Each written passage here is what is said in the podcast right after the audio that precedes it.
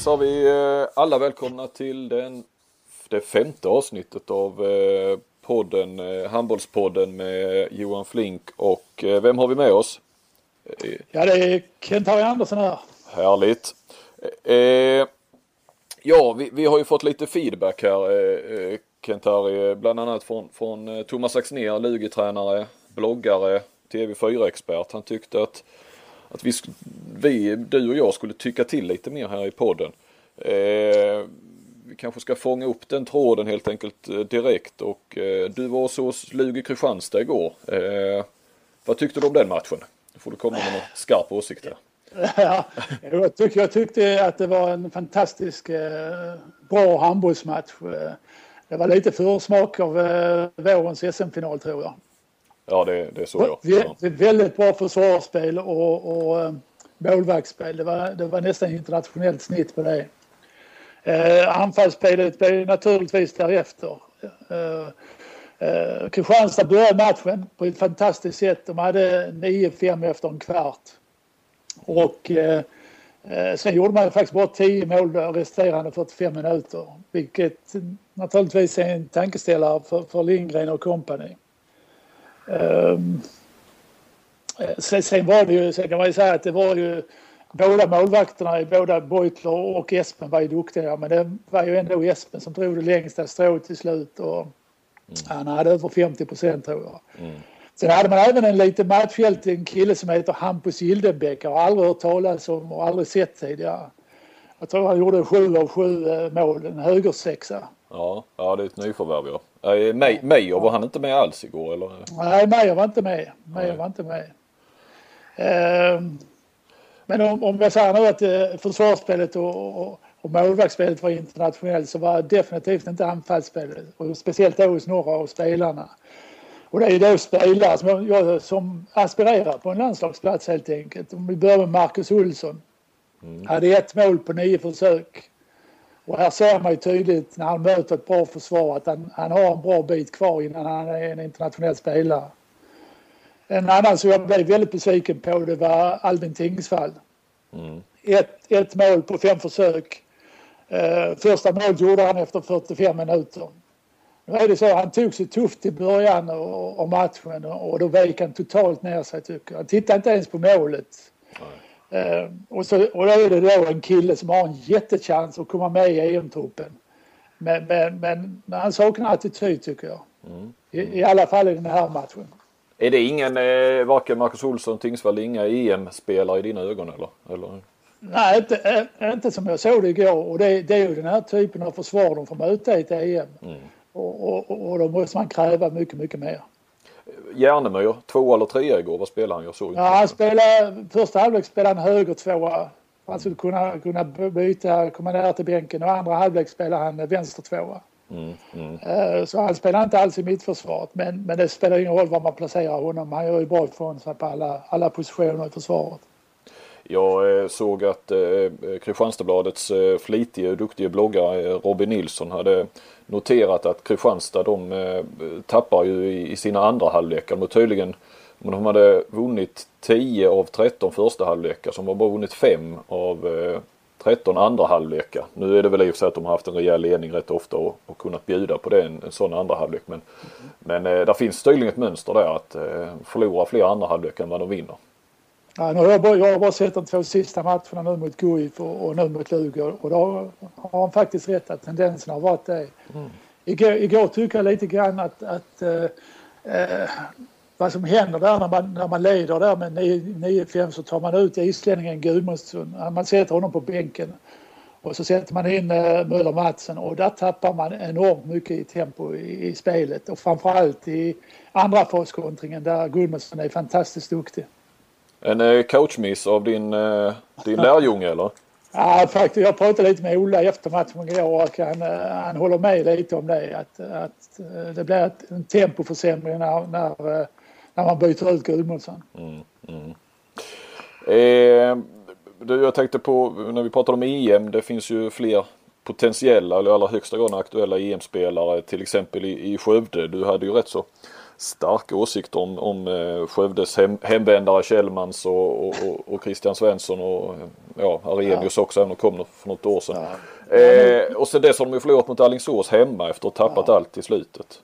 Ja men nu kan man ju tycka till, nu har man ju sett lagen lite grann och, och, och Ystad-Skövde såg jag och eh, eh, där, var, där var inget skyttehot från Skövde. Man, man letade linjen i 60 minuter och långsamt spel, ingen stack in näsan. Och i försvaret så tyckte jag det var stora svängdörrar. Uh, och där, i den matchen var det ju en 16-åring som, som till och med höll julafton där och, och mm. spelade in och gjorde mål och så vidare. Lukas Nilsson i Ystad ja. Mm. Ja, Lukas Nilsson. I den här andra matchen när de mötte, mötte Alingsås så, så var det lite bättre. Lake hade en bra första halvlek. Likadant målvakten uh, med total genomklappning de sista tio minuterna. Och jag tycker, jag tycker liksom att man har, man har två problem. Ett problem tycker jag det är Arrhenius som är då är spelande tränare. Eh, han har ju han har varit en erkänt duktig försvarsspelare i många år och varit internationell och så vidare. Idag tycker jag han står mest och tittar på, på vad de andra gör för fel och, och så vidare. Han står på hälarna. Han, han, står på sex meter och försöker blocka alla skott. Och, och när han står där på hälarna så blir han eh, förbisprungen av genombrottsspelare och så vidare. Mm. Eh, jag tycker här, här kan man prata om två åtgärder.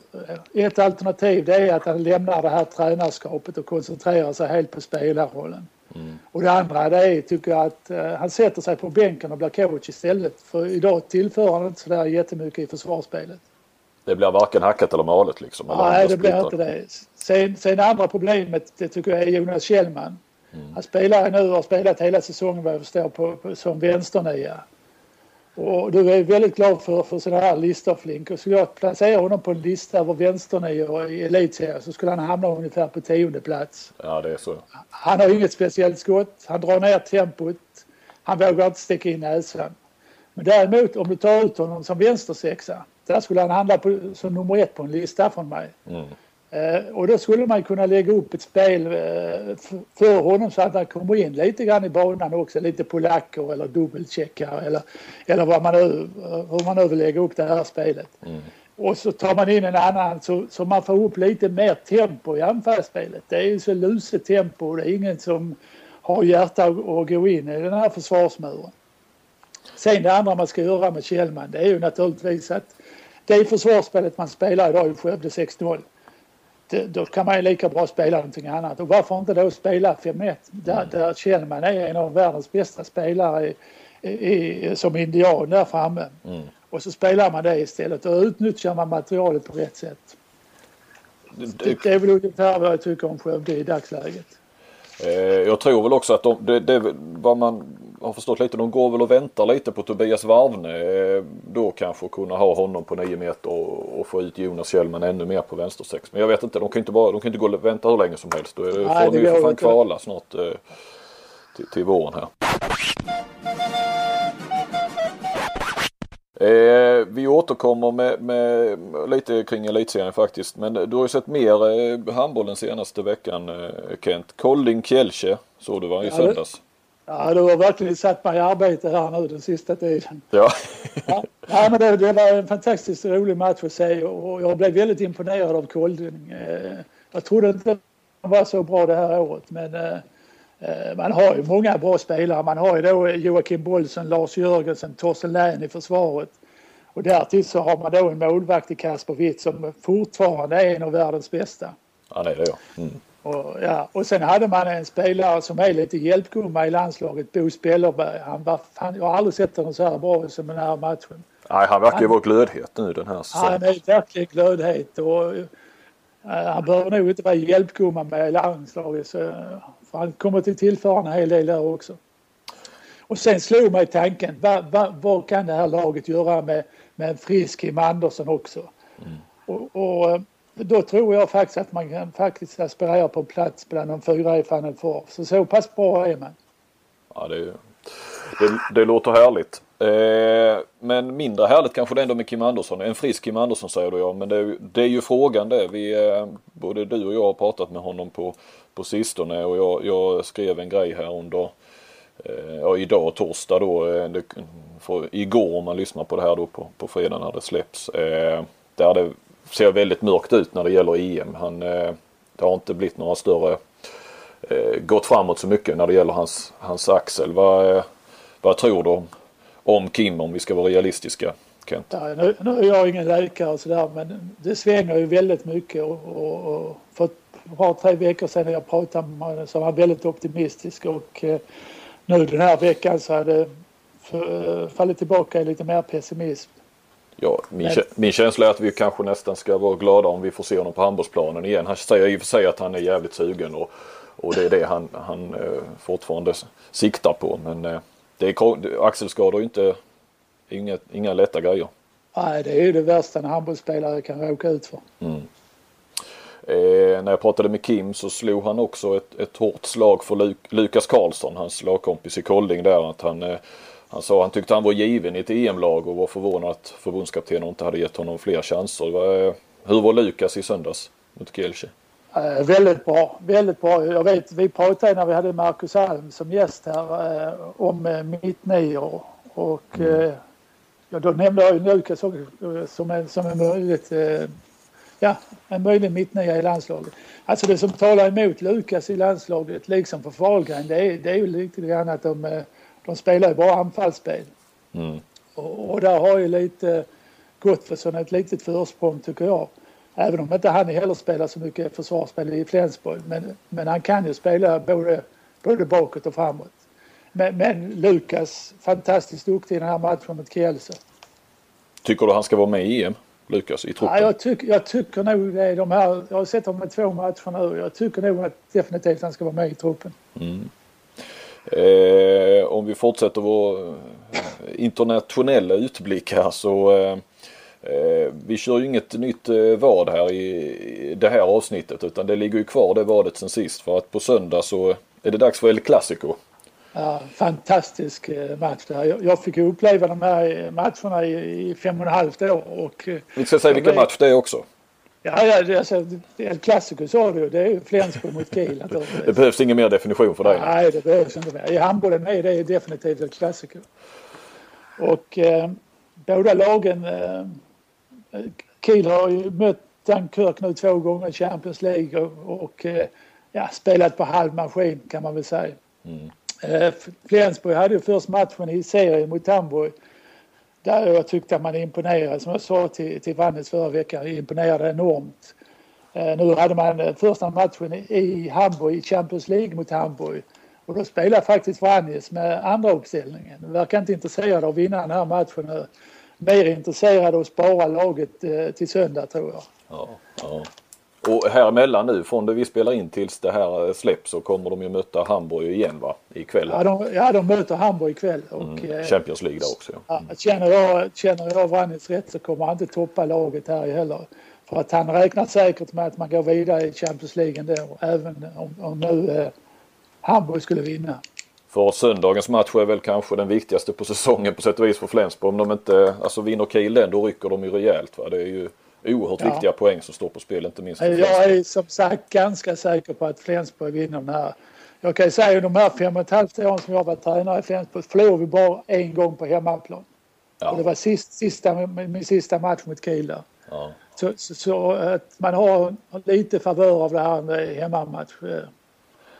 Så det är en hundralapp på spel där va. Du skyllde mig en hundring sen tidigare. Vi kan bli kvitt om Flensburg vinner. Eh, blir det oavgjort så är du skyldig ja, mig 200. Ja då kan du få den också. Men vi är inga större spelare egentligen jämfört med, med Johan Sjöstrand eh, i Kiel som nu igår kammade hem 2,1 miljoner på, på hästar och häromveckan var det 3,7 och sen lite andra småvinster i oktober så har han tydligen dragit in 6, ja, nästan 6,5 miljoner senaste månaden. Ja, det är helt otroligt. Han kan ju sluta som handbollsspelare. Ja, precis, precis. Har ni guckburk hemma? Kristianstad-Lug igår ja. Båda eh, ska också spela IOF-cupen här nu. Eh, hur viktigt är det, Kent-Harry? Jag tycker det är enormt viktigt för båda lagen. Eh, för utvecklingen av spelare och även för tränarna att, att få det här internationella motståndet. Eh, och båda har ju bra chanser vad jag förstår. Eh, Lugi grekiskt lag, Kristianstad rumänskt lag. Eh, och skulle man vinna de här matcherna så, så, så kvalificerar man sig för det här gruppspelet och då får man får man en hel massa eh, matcher med sig och, och, och det är bra för det är de här två lagen i Sverige som också är mogna och, och få eh, ett utökat antal matcher i framtiden. Ja, du kan väl tycka att det kanske nästan är, ibland är bättre att spela i UF-cupen för de här lagen än Champions League eller? Alltså jag tycker definitivt det. Alltså det är rätt steg i, i deras utveckling och spela i UF-cupen i år och eh, sen eventuellt nästa år eh, få, få spela Champions League när det gäller och då pratar jag ju framförallt om, om Kristianstad eller Lugi. Du har ju själv tagit lag rätt långt i de kupperna va? Både Norton och, och, ja, och Drammen då i de här kupperna under Champions League. Ja, även i Champions League förstås med Flensburg. Men jag tänker just att du har varit lite och spelat mycket i de kupperna, eller hur? Ja, alltså jag, jag vet ju hur mycket det betyder och framförallt kanske framförallt som, som tränare så utvecklas man enormt mycket av det här. Du, du får se en annan typ av handboll och, och, och det är inte bara rundgång och, och positionsskifte och så vidare som man, som man ser i Sverige utan man kan få möta annan typ av handboll. Mm. Och därför är det väldigt utvecklande. Eh, tillbaka till elitserien bara här och, och angående åsikter så hade jag en en idé, en tanke i, i tidningen här i en så kallad tyckare kallar vi väl det. Eh, om att eh, man ska göra i elitserien som i Norge och ge Champions League-platsen till den som vinner grundserien. Eh, tanken är ju då när vi ser dels att vi ser Drott nu eh, som, som helt enkelt inte är moget för Champions League varken eh, som klubblag eller eh, publiken eller, eller någonting och att vi skulle få det laget som kanske inte skräller sig fram till en SM-finalseger. Den guldet är de, SM-guldet är de verkligen värdiga. Eh, men att man får kanske det laget som är stabilast och bäst rustad för, för Champions League. Eh, och det här är, det finns ju kanske en risk att det, det händer flera gånger. Man ska inte bara heller nu för att det har hänt ett år. Alltså. Eh, men jag vill där också, det blir lite snack om det där, det jag skrev där och jag vill bara förtydliga att, att vi ska inte ta över Norges modell helt. Att, att eh, Alltså att den som vinner grundserien också kan titulera sig som mästare, vilket man kan göra i Norge. Och sen säger de borta i Norge har ju fått reaktioner att där vill de ju, sneglar de ju åt, åt den svenska modellen med, med en, eh, en final och Champions League-platsen ska gå till, till det laget som vinner, eh, vinner finalen. Så att eh, ja, det är lite olika eh, syn på det där. Eh, men det här leder ju också osökt in på, på eh, Norge och eh, veckans gäst som vi har med oss och det är Torbjörn Klingvall, damernas förbundskapten som bott och verkat i Norge i ungefär 25 år nu väl. Eh, stämmer det Tobbe? Du är med oss? Ja, hej. Hej, jo det stämmer. Eh, var är du? Du befinner dig hemma i Norge? Ja, jag befinner mig hemma i lägenheten innan jag ska morgonträna. Morgonträna, är det, är det gymmet eller? Ja, det är en kombination av både ute och inne. Okej. Okay. Ja, det är, då, har vi, då har vi två stycken som i podden här som håller igång rejält och ingen av dem är jag det här, den här veckan. eh, innan, vi, innan vi kommer in på, på alla dina damer Tobbe, vad, vad, vad tycker du om det här med en Champions League-plats till, till vinnaren av grundserien i, i Sverige? Eller hur, hur är det i Norge? Eller? Vad tycker du? Ja, ja, det finns både fördelar och nackdelar menar jag med båda modellerna. SM-seger, då får ju laget en form för cupträning men, men kan ha en formtopp och lite tur i det sammanhanget. Men en serieseger kräver ju stabilitet och kanske en bredare trupp över tid och kan vara bättre rustad. Men, men, men jag menar, ska man spela Champions League så tror jag man måste vara med några gånger med samma material för att kunna hävda sig. Och jag, jag menar, det krävs en nivåanpassning och en, en, en Champions League-rutin. Och då blir ju frågan, vilket är det viktigast, SM eller serieseger? Mm. Mm. Vad säger du Kent? Jag vet inte. Det, det, har, det slog definitivt fel eh, den här säsongen med, med Drott som segrare. Då hade ju både Kristianstad och Lugi klarat det mycket bättre. Jag tror båda lagen hade kvalificerat sig till en åttondelsfinal också. Men åren dessförinnan så, så var det ju Sävehof som vann och då var det ju rätt segrare på något sätt. Eh, men, men jag tror också, ska man ha det riktigt rättvist så måste det liksom vara som i, som i Tyskland då att det är seriesegraren eh, eh, så, som, som får spela. Nu får man ju Tyskland ettan, tvåan, trean spela så det, det är ju lite annorlunda. Mm. Men ja, det är jättesvårt att svara på för man vill ju inte ta bort den här SM-finalen för det är en highlight Nej, det ska vi inte för, göra. för svensk handboll. Men jag, jag är nog inne på att seriesegraren eh, ska spela Champions League. Och det de, finns ju en invändning mot det, det är ju det att om du då, ja, man vinner eh, grundserien, går till Champions League. Sen nästa år är det ju svårt att kanske, det är ju det som Sävehof har kunnat göra, att man har spelat bra i Champions League och kunnat eh, ta det lite, lite lugnare i, i elitserien. Eh, för att man vet att man ändå går till ett slutspel och sen gäller det att vara som bäst i, i slutet på säsongen. Det här gör att man måste vara bra hela säsongerna såklart om man ska vara i Champions League flera år i rad. Eh, ja, men det, den eh, debatten lär kanske gå vidare. Eh, Torbjörn, du samlar eh, ditt damlandslag nästa vecka va? Läger och träningsmatcher. Svider det att inte vara med i, i VM? Ja, det är klart att det svider. Eh, men eh, man kan inte fokusera på det utan man måste göra en situationsanalys vad som var, inte var bra i kvalet och så på ett systematiskt sätt angripa den här vidare utvecklingen. Mm. Eh, inte tänka på det så mycket. Måste se framåt. Vad, vad, vad händer för er nu här de kommande två veckorna? Det som händer nu är att vi samlas i Göteborg och så tränar vi några dagar och så åker vi ner och matchar mot Tyskland i två matcher. Och sen därefter tillbaks till Sverige ska vi ligga i Skövde så ska vi matcha mot eh, Slovakien i två matcher. Eh, ja, eh, Tobbe, du eh, har ju också varit i ropet här eh, de senaste veckorna. Eh, det gällde Cooper-test har det ju handlat om efter artikel som jag skrev. Eh, ja, om du ska förklara dina tankar kring det där nu och, och få lägga ut texten. Ehm, eh, eh, Cooper-testen i sig själv, det är ju en testvariabel som finns i fysprofilen. Det är ju en, ska, vara, ska ju vara en så kallad aerob test. Och eh, vi har ju ett samarbete med SOK där vi använder fysprofilen som ett testinstrument för att kunna värdera spelarna eh, i svensk handboll och i landslaget. Cooper-test i sig själv är inget supertest, eh, eh men, men det, det, är en bra aerob test.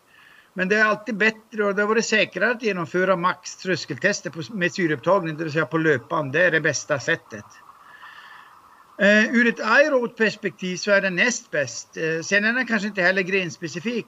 Därför så pratas det väldigt mycket om jojo som ett bättre alternativ än jojo-test. För handbollsspelare? Ja. För handbollsspelare. Men jojon är definitivt ett bättre test på arbetsförmågan under matchlika förhållanden. Men den är också ett funktionellt test där resultat, dock är beroende på aerob, anaerob och styrkeförmåga.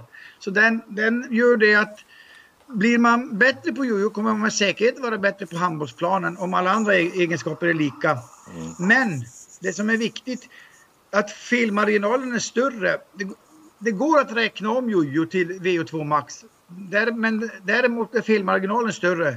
Och särskilt under försäsong om man inte har varit om det inte har varit så mycket mjölksyreträning.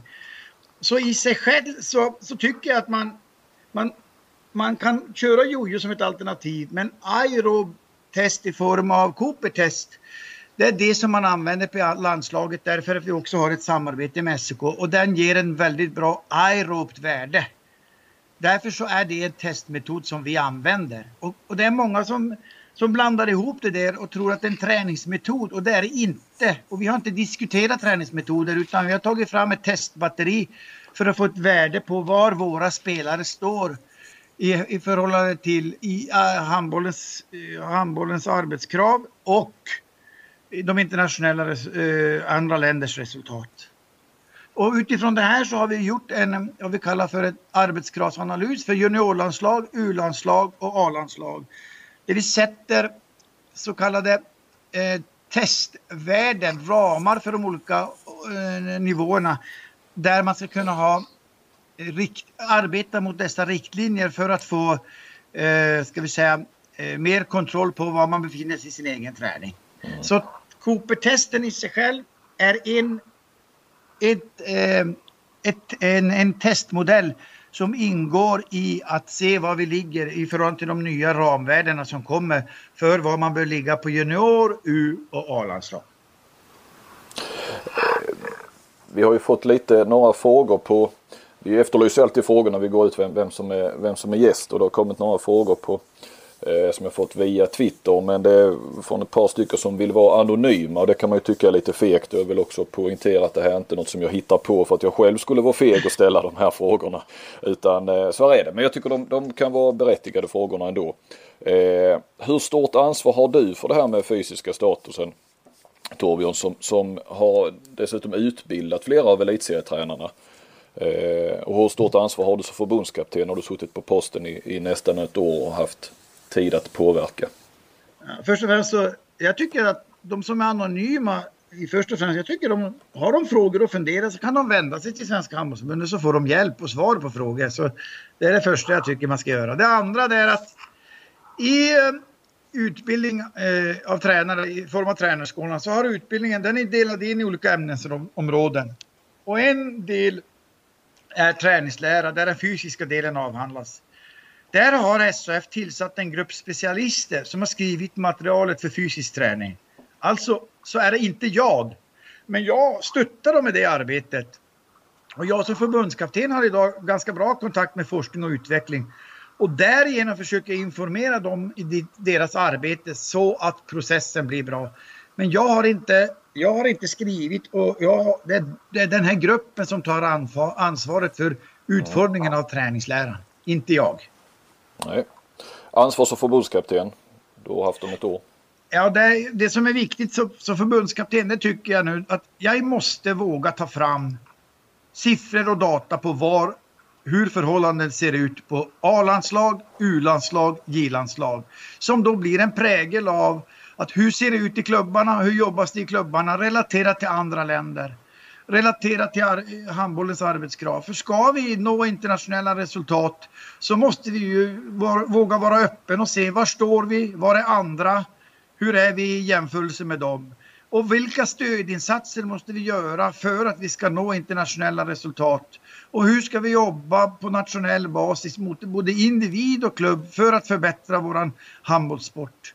Och det menar jag är mitt ansvar och sen är det viktigt att presentera det och det, det, handlar inte om att hänga ut en enskild individ utan det handlar ju om att våga ta, ta tag i saker och ting och diskutera det, sätta lite krav, sätta lite ramar.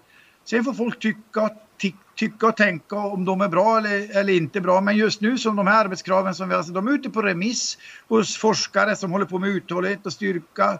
Då jag har sänt ut dem till klubbarna, jag har sänt ut dem till, till tränare så får folk få tycka till om det här. Men det är ju viktigt att de har någonting att jobba mot och sträcka sig till för att nå bättre resultat. Du säger ju att du inte hänger ut någon individuellt. Det, det, har du absolut inte gjort. En del tycker att du hängde ut ditt eget landslag.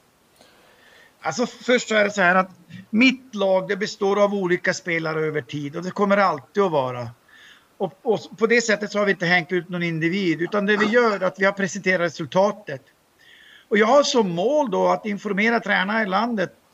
Och det kan ju vara i form av föreläsningar eller föredrag. Och, och den informationen kan ju vem som helst sprida. Och, eh, och de kan då sprida den till media och så får, kan man göra en stor sak av det. Men det som är poängen, det är att när andra länder offentliggör sina testresultat och som visar hur den fysiska statusen är och hur man ser att den är relaterad till antalet medaljer så är det väldigt viktigt att vi vågar jämföra och diskutera det i förhållande till konkurrenssituationen.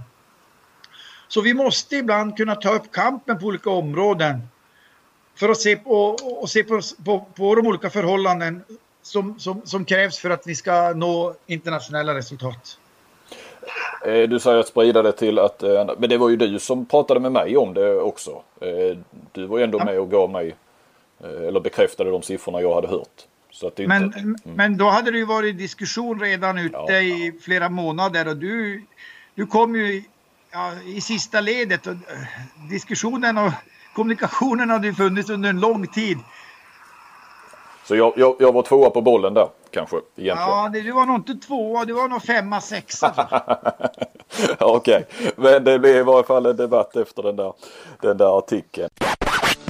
Det här är väl ingen gurkburk? Eller? När man är en annan också anonym twittrare, säger man vill om det. Men, men eh, eh, som ställer frågan så här. När man vill belysa hur fysisk status är, är det inte fel att påpeka hur dåligt ditt lag är istället för att hålla sig till mål, resultat och siffror som du uppenbarligen annars gillar att göra? Um, um. Nej, alltså, ja, det var lite svar på den frågan. Ja, menar jag. Alltså, det, fortfarande så är det så att eh, ja, det handlar inte om laget, det, eller, det handlar inte om, om bara vårat lag. Det handlar ju om att ta fram siffror för A-landslag, U-landslag och J-landslag. Och nu ska vi se på U och J i december för att få, se, få en bild av var vi står i de här variablerna som anaerob, aerob, styrka och power för att se om vi är konkurrenskraftiga internationellt. Eh, och det, det som vi får tag i där, det måste vi offentliggöra eh, både mot tränare och mot spelare för att se var vi ligger till. Och sen kommer nästa diskussion. Hur, hur ska vi träna och hur ska vi jobba? Och, där, och så långt har vi inte kommit ännu. Men vi måste våga ta fram siffror som visar var vi står. Eh, vi kan inte sopa undan saker under mattan och test är ju ett viktigt redskap både för utvecklingen och för forskningen och för sättet att uh, veta vad man ska träna på. Det, det, det visar sig det är ju att en aerob kapacitet den behöver man i alla lägen. Det spelar ingen roll om man spelar schack eller om man hoppar höjd eller längd. Så sen är det bara frågan om vilken grad och hur stor skala man behöver det. Men eh, eh ser man på ett mästerskap där eh, landslagen spelar match varannan dag och eh, där man har kanske träningar också i en intensiv period så är återhämtningsgraden extremt viktig och den är beroende av en bra aerobkapacitet. Annars kommer, orkar man inte genomföra det över tid och man tappar i alla kvaliteter. Mm. Däremot en serielunk som, den kan vara hård den också, där man eh, spelar en match eh, inte lika tätt och där man kanske har eh, eh, kan gå runt om man har flera spelare också i och för sig. Va? Så blir det en annan belastning. Men ett mästerskap kräver en extrem återhämtningsgrad som är viktig och den byggs i, i princip bara på aerob kapacitet. När, när vi eh, då är lite inne på, på kritik som har varit eh, mot dig Torbjörn. Vad, eh, jag tror att, eh, ska du fånga upp den Kent-Harry?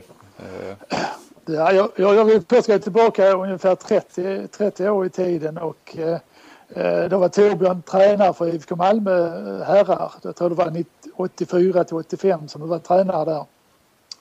Och, och, jag bodde i Malmö på den här tiden och jag var i början av min tränarkarriär så att eh, eh jag åkte ofta ner till Baltiska hallen och tittade på, på Tobbes eh, träningar där och eh, det, det, var en fantastisk upplevelse. Alltså det var träningar som var planlagda i detalj, ett otroligt tempo, ett engagemang som var helt enormt från tränaren. Och, och från eh, Liden Ystad så, så var det en helt annan värld som öppnade sig när det gällde handbollstränare. Och, eh, och, och då kan jag säga så här, det var definitivt ingen stenåldershandboll som du lärde ut på den här tiden.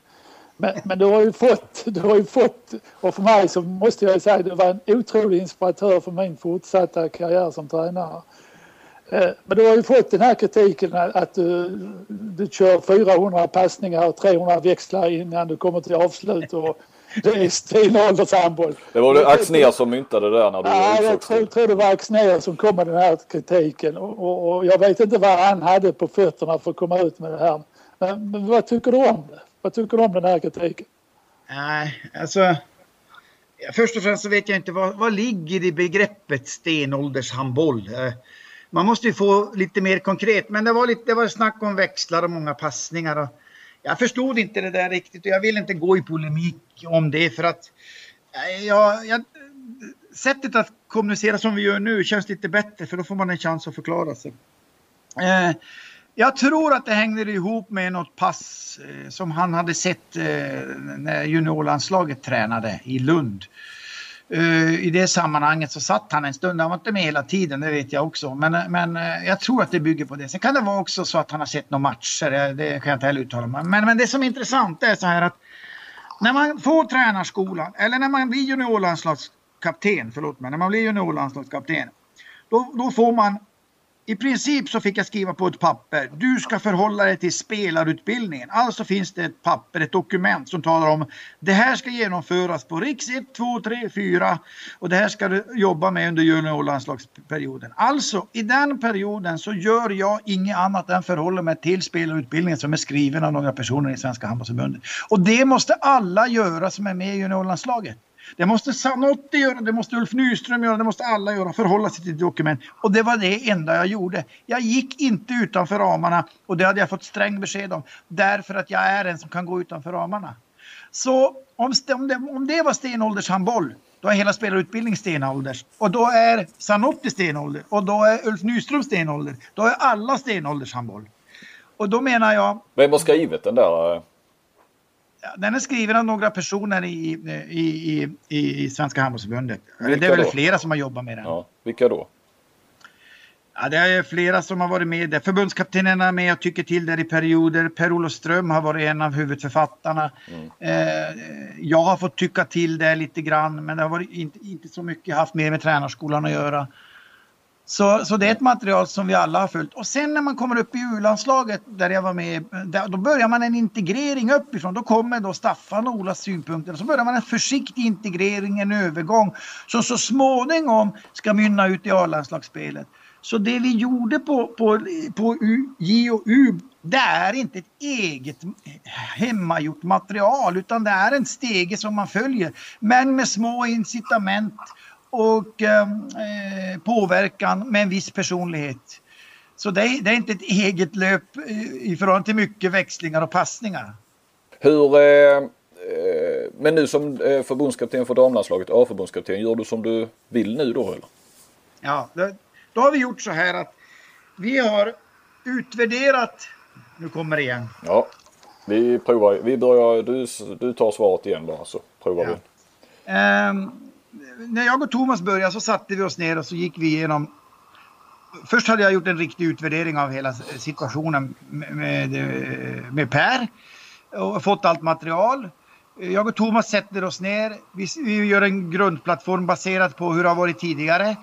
Och det vi gör då i nästa skede är att vi, vi eh, utgår ifrån vissa moment, vissa spelplattformar.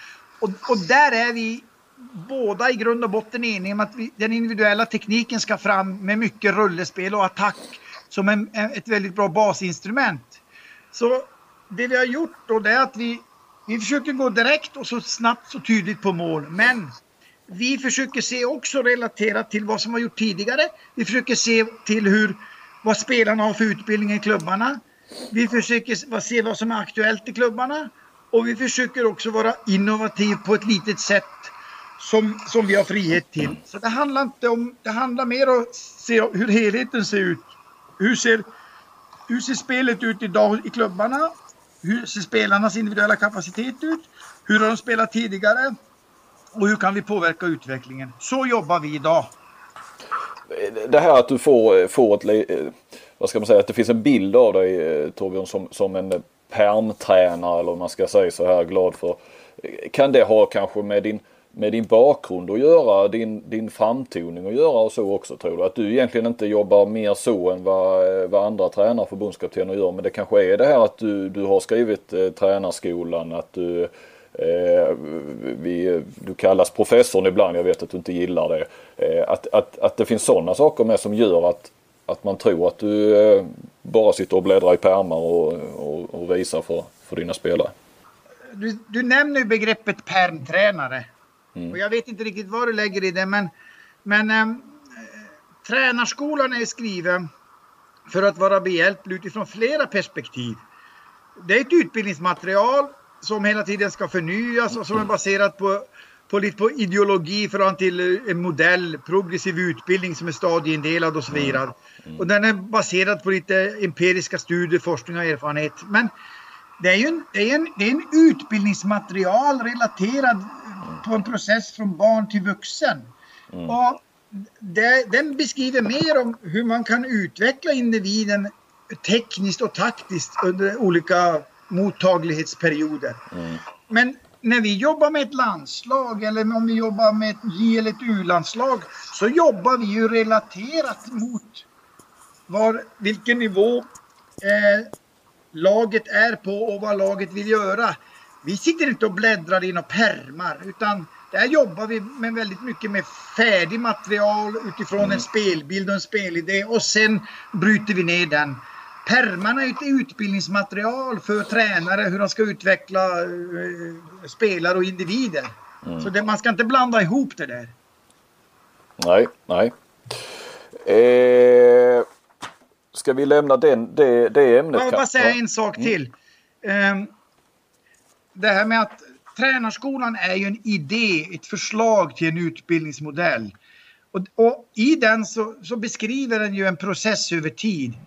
Innehållet i den det ska ju vara dynamiskt och flexibelt. Alla kan ju dra ifrån och lägga till. Men i alla fall en ramplan, ett hjälpmedel för de som, är, som vill gå in och, och tänka lite metodiskt. Mm. Det är inget facit, det är ingen sanning. Och det som är där inne, det måste alltid vara dynamiskt och utvecklande och förändringsbart. Men det, när det ska göras så handlar det också om en resursfråga. För någon måste göra det och skriva det i Svenska Handbollsförbundet. Och det handlar lite grann om ekonomi. Men det går ju själv bra att lägga till och dra bort i pärmarna om man har gått utbildningen. Och det framförallt så ger det ju en tanken om det att jag sa, det här är ett modelltänkande, kanske jag kan ha ett annat modelltänkande. Men det är i alla fall ett förslag, ett process för en tränare, en individ till att kunna börja arbeta metodiskt över tid. Har ni gurkburk hemma? Eh, jag tänkte också om vi tittar lite på, på eh, själva landslaget och de spelarna du har. Så, så tänker på sån som Linnea Torstensson. Hur ser du på hennes utveckling? Eh, har inte mycket speltid i, i Krim nu och, och, det känns som att hon, det har gått tre, nästan tre år sedan hon var som bäst. Jag tänker på EM 2010. Kanske jag är lite orättvis, hon har säkert gjort topprestationer sedan dess. Men, men eh, det känns inte som att hon har utvecklats och blivit så väldigt mycket bättre sedan dess. Eh, framåt tänker jag framförallt. Eh, ja. Hur ser du på hennes utveckling och men, behöver hon flytta på sig från, från ja, Krim? Alltså, Ja, det, det, är en bra fråga. Johan, men, men man kan säga så här, jag, jag, tror inte Linnea har det bra där nere. Jag tror Nej. inte hon mår bra. Um, jag tror hon har haft en problem med skulderskada och jag är inte säker på att, att tränarna har förstått skadans art. Och uh, utifrån det perspektivet så har hon fått lida. och jag tror att hon har blivit i hennes egna ögon också behandlad på orättvist sätt. Mm. Och hon kommer, tror jag, att lämna var hon hamnar, det vet jag inte. Och det jag tror det är bra för hennes mentala hälsa att hon flyttar och jag tror det är bra för hennes eh, framtida sista år som handbollsspelare att hon kommer till en miljö där hon har förtroende, mår bra och trivs. Mm, mm. Eh, när, när, när, vi pratar om den här positionen, här vänsternia i landslaget, så har jag en liten fråga här. Jag träffade, jag träffade Maria Adler i hallen i Lundahallen igår och ja. Hon är ju en av mina, mina favoriter. Jag har jobbat lite med henne så närmare. Och eh, går tydligen ganska bra för henne just nu. Bästa, bästa svenska skytt i danska ligan. Och, eh, jag tycker att hon skulle kunna vara en potentiell ersättare till, på sikt på, för Linnea Torstensson. Hur, hur ser du på Maria Adler idag? Nej, hon är definitivt potentiell och intressant. Det som är utmaningen med henne det är eh, hennes fot. Och jag har haft dialog med henne och frågat om hon kunde tänka sig att vara med på landslagslägret nu den här perioden. Men hon tror inte hon klarar belastningen av två träningar per dag. Och nu är de under en rehabiliteringsperiod där hon har fått tag i en bra sjukgymnast och försöker identifiera skadan. Eh, och jobbar försiktigt framåt en lösning och det blir bättre och bättre. Och då har vi sagt att, eh, och vi kom överens det hon och jag, att eh, vi försöker få göra henne frisk och inte bränna ut henne så att vi har nytta av henne i framtiden och att de hittar problemet och att vi inte överbelastar henne och att de får ha en lugn och fin ehm, eh, skaderehabilitering och tillväxt där nere och så, så tar vi upp tråden så fort det börjar bli bättre. Så, så är status idag. Okej, okay. okej, okay, tack för det svaret. Om vi tittar över på högernio så, så är jag lite nyfiken. Eh, Jasmina Japanovic i H65. Eh, vet du hennes eh, status och, och medborgarskap och, och, så här? Ja, vi ser ju hur hon vi följer med när det gäller spelet och hon är ju fortfarande en målmaskin mot vissa lag. Mm. Och hon, hon jobbar med sitt medborgarskap och där har jag haft ett samtal med Harris och Harris kontaktar mig när det är klart för att få reda på när det är färdigt. Sen ska vi ju värdera det sportsligt. Mm. när den tiden kommer. Men eh, Niklas har lovat ringa mig när, när, det är definitivt klart. Och sen ska vi värdera det sportsligt relaterat till, till det sportsliga resultatet och konkurrenssituationen. Hon är, inte, hon är inte given i landslaget bara för att hon blir svensk medborgare. Det, det, det hör jag på det. Och det är ju inte någon kanske. Så att, Nej, men jag tycker att eh, alla som ska vara med i landslaget bör ju leverera och prestera. Och sen måste man ju också få chansen att visa det. Och sen måste man också i ett landslag veta att eh, ska man vara med där så måste man vi ser idag vad viktigt det är med Sävehof-spelare som levererar på ett internationellt nivå. Förhoppningsvis hjälper det landslaget. Så vi måste också få spelare som kan leverera på ett internationellt nivå. Mm. Nu gled vi ju snyggt in på, på Sävehofs damer där ja, som, som eh, ja det var nästan mer än halva, halva ditt landslag. Som har gjort det eh, fantastiskt i Champions League. Eh, I veckan lottades eh, då det andra gruppspelet och eh, eh, ja, vi, man kanske slarvar med uttrycken ibland men, men eh, medan den andra gruppen väl som vi döpte vi rätt snabbt till dödens grupp. Vi kan ju bara nämna att det är Krim, Gör, Larvik och Budoknost och där har vi alltså de tre senaste årens Champions League-vinnare till exempel. Eh, plus Krim då där.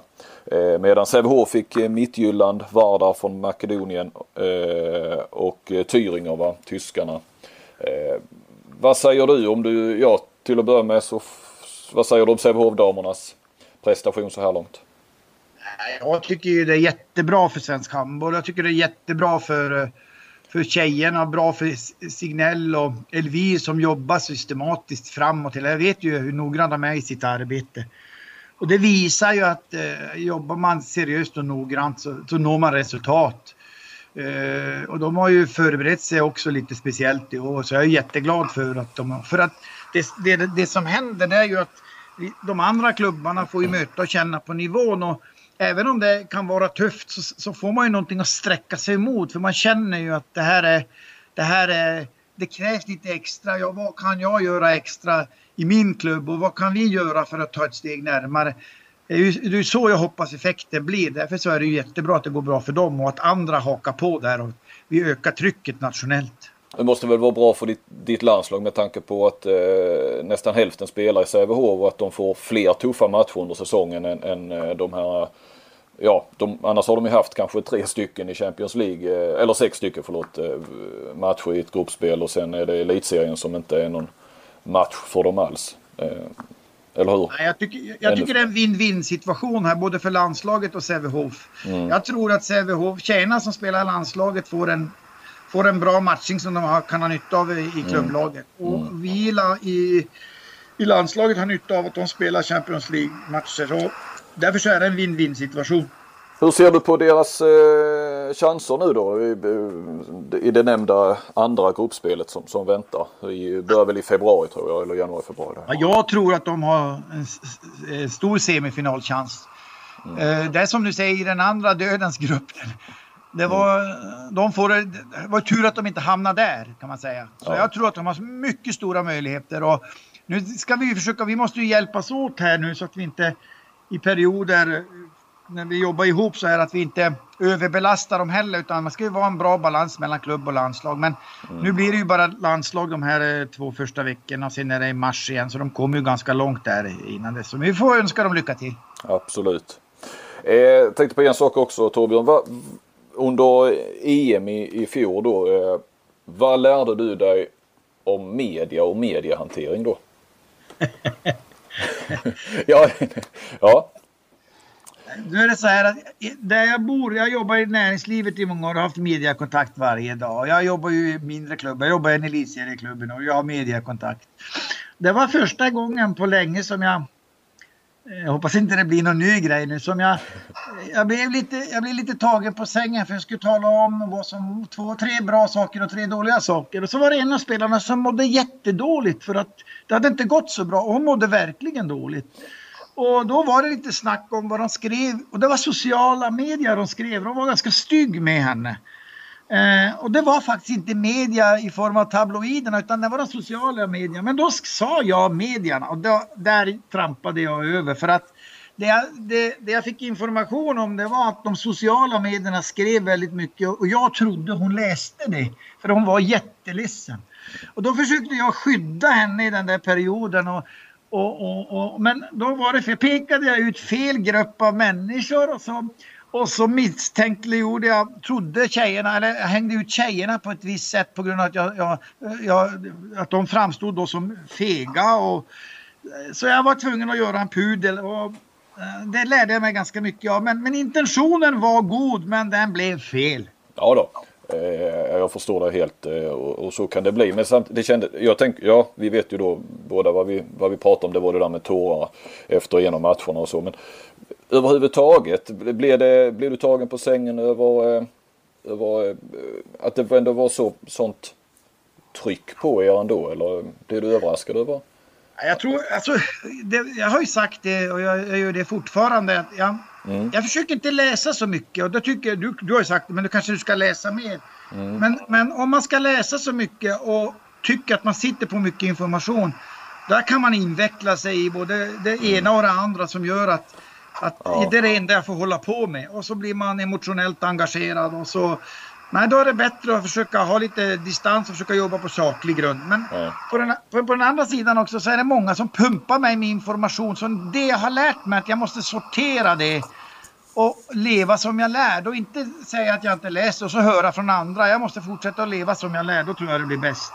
Men att inte lyssna på, för du blir väl då briefad av eh, folk omkring dig. Hur menar du att du inte ska bli det så mycket? Jo, eller? men det jag menar då är att man ska försöka ta det med en nypa salt och, och vara jag och icke vara andra när man får informationen. Förstår du? Mm, nej, utveckla Ja, det kan vara lätt att man, att man, man, man, när andra säger någonting så kan ju de också ha har hört ifrån en och så börjar det med en sak och så slutar det med något annat. Och så, det är bättre att försöka se på situationen ur sitt eget perspektiv och så försöka förstå den därifrån och eventuellt kommentera den. Hur, eh, hur mycket ändå följer du någonting? Eh, måste du följa med? Är du på Twitter anonymt och, och tittar lite och sådär eller? Nej, ingenting. Nej. Jag är väldigt tråkig där. Nej, det behöver inte betyda att man är tråkig. Jag var lite nyfiken. Det, är, det är vi i gamla generationen Tompe. Jag är inte heller där. Flink, Flink kan tjata så ska jag med där, men jag vägrar. Ja, jag, jag, ja du, det är inte för mycket, du kunde varit med anonym tyckte jag ju Kent för att just ta del av lite angående podden, lite feedback och lite frågor och sånt där. Så du, mer så. I, i, ibland är det bra att inte veta någonting. Så, så, eh, så kan det säkert vara också. Eh, om vi ska avsluta med några, eh, några snabbfrågor Torbjörn. Ja. Vilka vinner eh, det stundande dam-VMet?